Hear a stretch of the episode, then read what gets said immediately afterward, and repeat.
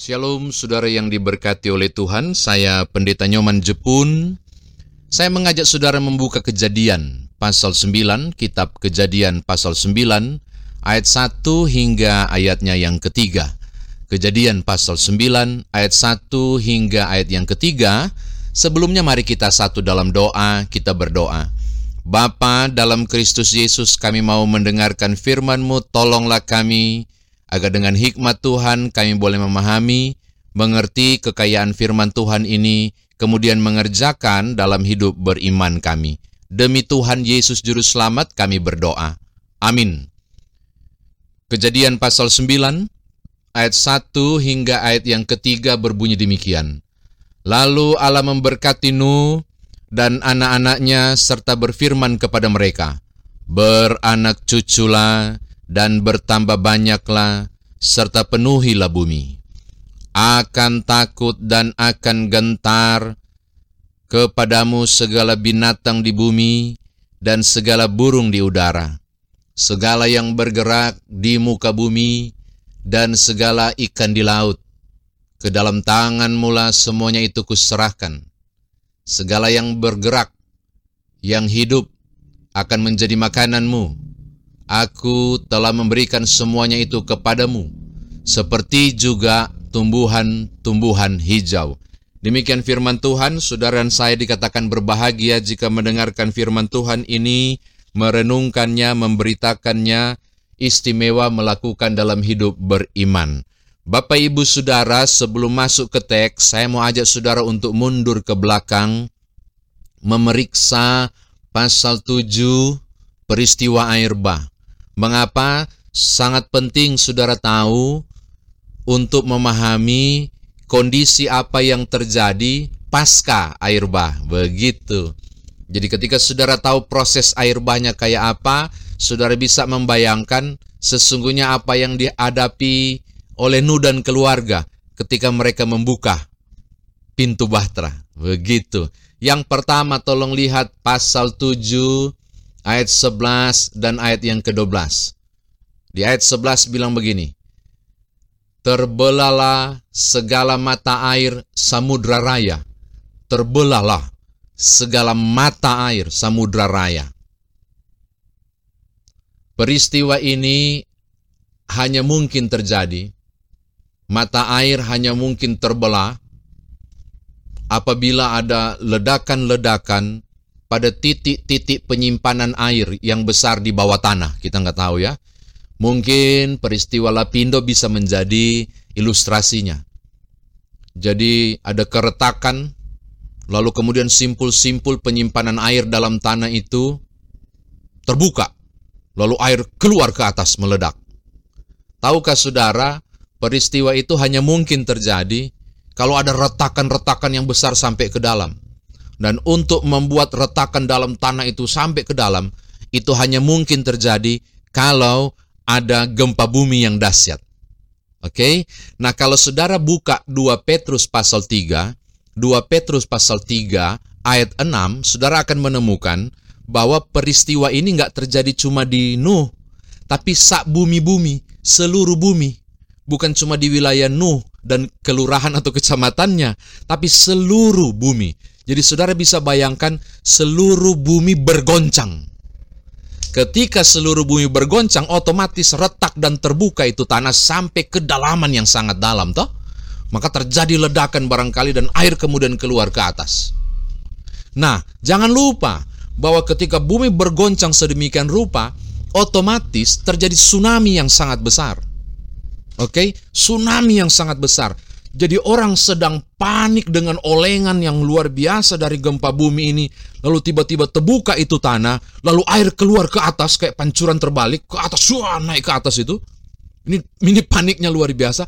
Lalu dari kejauhan mereka melihat gelombang samudra, ombak itu datang menerjang karena tsunami yang besar. Oke, okay?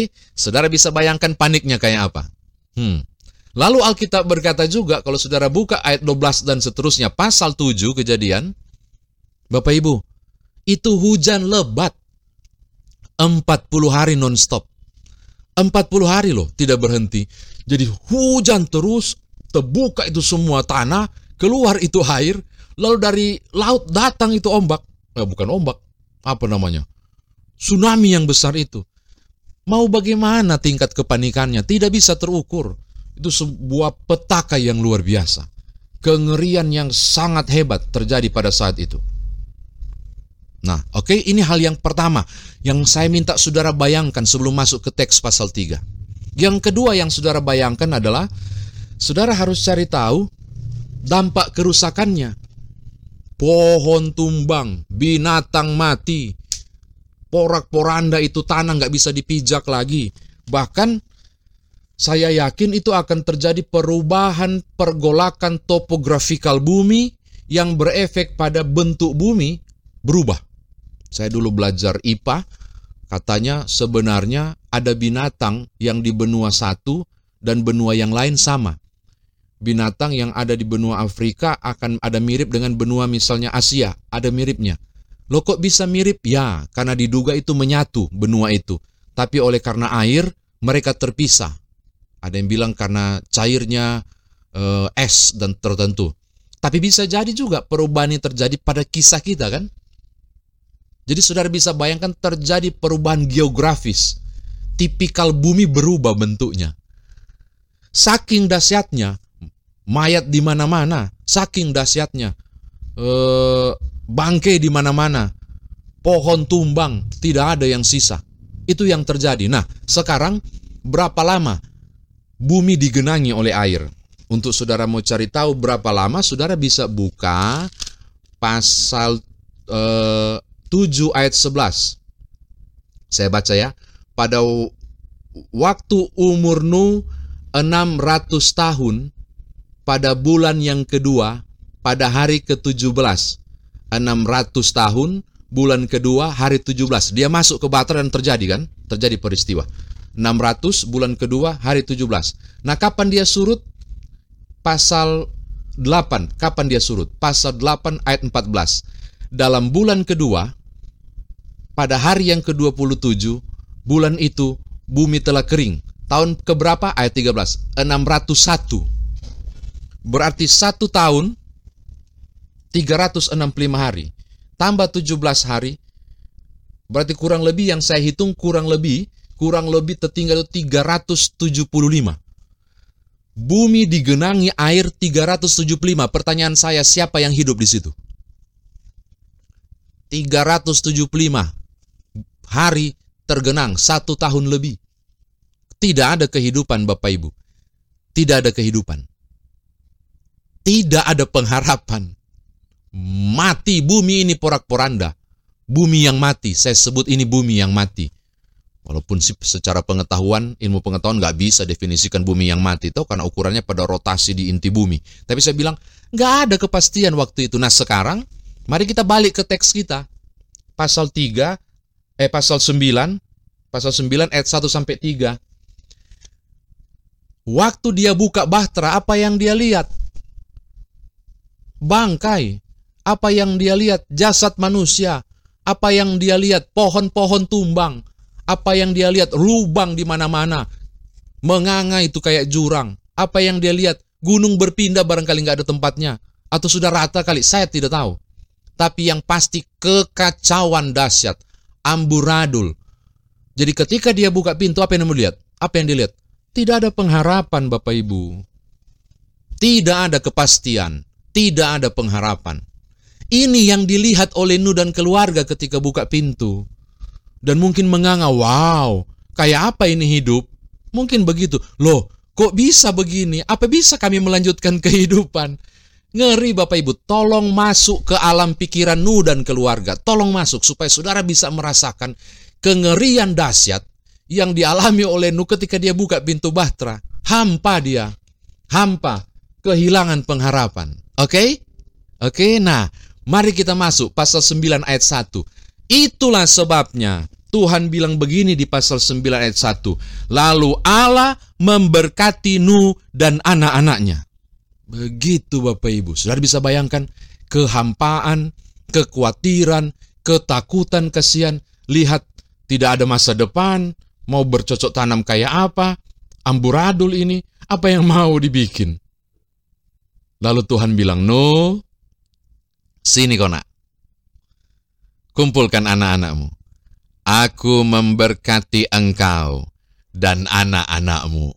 Wow, itu dia.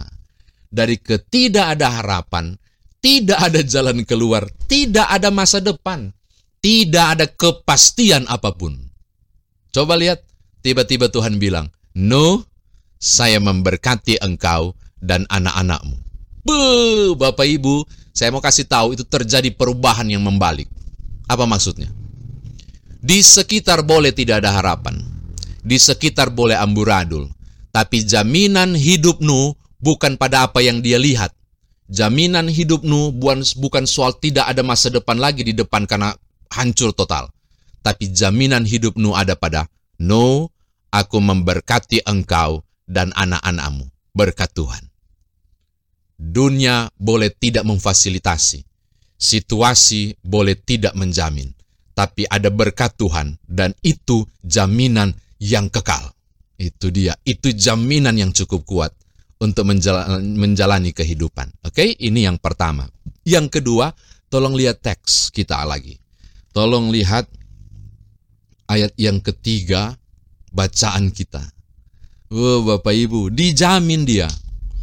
Maka sekarang yang akan engkau makan, kalau kita di kitab kejadian, saudara cek, mereka cuma makan tumbuhan kan Adam dan Hawa. Tapi sekarang dibilang, yang akan kamu makan apa yang hidup akan menjadi makananmu. Aku telah memberikan semuanya itu kepadamu, seperti juga tumbuh-tumbuhan hijau. Jadi binatang pun menjadi makanannya. Berubah tuh perintahnya setelah air bah. Dan juga tumbuh-tumbuhan hijau. Jadi kalau ada yang bertanya, kapan lekah perubahan perintah? Dari cuma makan e, tumbuhan, manusia berubah ke makan daging, padahal aslinya manusia tidak memakan daging karena kita tidak punya gigi taring yang cukup kuat. Di mana? Di peristiwa air bah. Begitu. Apa maksudnya? Jaminan pemeliharaan untuk kelangsungan hidup. Itu ayat 3 Bapak Ibu. No, aku memberkati engkau dan ini jaminan pemeliharaan.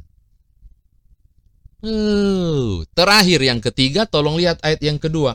Akan takut dan akan gentar kepadamu segala binatang di bumi dan segala burung di udara, segala yang bergerak di muka bumi dan segala yang ikan di laut, ke dalam tanganmu lah semua itu diserahkan. Maksudnya apa? Lihat pasal 1 ayat 28 seperti perintah kepada Adam dan Hawa. Tuhan bilang begini. Berkuasalah atas ikan bla bla bla laut dan seterusnya. Mau bilang soal apa? Mahkota ciptaan. Mau bicara soal apa? Dia diberi wewenang dan kuasa untuk mengendalikan ciptaan yang lain. Wih, Wow. Memang tidak ada apa-apa, memang hampa, tidak ada janji masa depan. Lalu Tuhan bilang, kau dapat kuasa untuk memanage semua yang berantakan ini, supaya kau hidup. Bapak Ibu tangkap, memang Tuhan jamin dia dengan berkat dan pemeliharaan. Memang Tuhan jamin aku memberkati engkau dan anak cucumu. Tuhan jamin, dan Tuhan kasih makan dia. Tapi Tuhan bilang, kau harus mengolah, karena mandat ini kuberikan kepadamu kuasailah ini, manage dia dengan baik. Apa maksudnya? Walaupun Tuhan yang jamin berkati, walaupun Tuhan jamin yang sediakan, tapi kalau Nuh tidak mengupayakan, ke depan bagaimana dia bercocok tanam dengan anak-anaknya di ladang? Nggak bisa. Maka Nuh harus bekerja. Nuh harus berlelah untuk menyongsong poin satu ayat satu berkat Tuhan ini. Nuh harus berlelah untuk mendapatkan poin tiga ayat tiga nanti. Ayat tiga itu yaitu berkat jaminan makanan, pemeliharaan. Saya mau katakan begini kepada saudara, bahwa penting sekali mengaminkan penyertaan, jaminan, dan pemeliharaan Tuhan. Tapi tidak berarti babediam tidak mengerjakan apa pun. Sebagaimana Nuh diberikan kuasa. Oke, bagaimana firman Tuhan ini mau ditafsirkan? Eh, mau dibawa dalam hidup beriman. Untuk saudara bawa pulang. Yang pertama Bapak Ibu, dunia boleh berantakan, tidak ada masa depan barangkali yang saudara pikirkan. Tidak ada jaminan apa pun yang saudara lihat. Kelihatannya tidak ada harapan. Karena kenyataannya memang beberapa kegagalan saudara dan saya alami barangkali. Masa depan anak-anak saudara barangkali. Bisnis, usaha, dan pekerjaan. Saya mau kasih tahu hal penting kepada saudara. Bukan yang di luar sana yang menjadi penentu masa depanmu. Bukan yang di luar sana menjadi penjamin masa depanmu. Berantakan barangkali engkau lihat. Ingat bagian penting ini. No, aku memberkati engkau dan anak-anakmu. Maka saya mau katakan hal yang pertama kepada saudara. Ingat, penentu masa depan saudara. Bukan faktor di luar. Tapi faktor Tuhan. Apakah aku dan keluargaku rumah tangga, perusahaan, usaha, dan bisnisku diberkati Tuhan atau tidak. Itu dia Bapak Ibu. Yang saudara butuhkan adalah berkenanlah ya Tuhan, tumpang tangan, dan berkati masa depanku. Begitu. Itu yang saudara butuhkan yang paling pertama. Itu yang pertama. Yang kedua dan yang terakhir Bapak Ibu. Walaupun ada jaminan berkat, walaupun ada jaminan yang Tuhan kasih, dalam kehidupan. Tidak berarti saudara ongkang-ongkang kaki. Nu diberi kuasa untuk memanage bumi yang hancur dan mengolahnya. Saya mau katakan hal yang sama kepada Bapak Ibu. Benar Tuhan memberkati saudara? Ya dan amin. Benarlah Tuhan memelihara dan memberi jaminan pemeliharaan itu? Ya, dia tidak pernah berdusta. Firman-Nya ya, ya dan amin. Tetapi engkau perlu mengupayakannya. Siapkanlah, bentangkanlah layarmu, agar angin berkat itu dicurahkan. Isilah tempayan penuh dengan air supaya air itu diubah Tuhan menjadi anggur. Artinya berupayalah. Bagian saudara. Sisanya biar Tuhan yang sempurnakan. Selamat menghadapi kacau balau sekalipun hidup saudara. Ingatlah, bukan itu penentu masa depan saudara. Tapi berkat dan jaminan dari Tuhan. Tuhan berkati Bapak Ibu Saudara. Haleluya. Amin.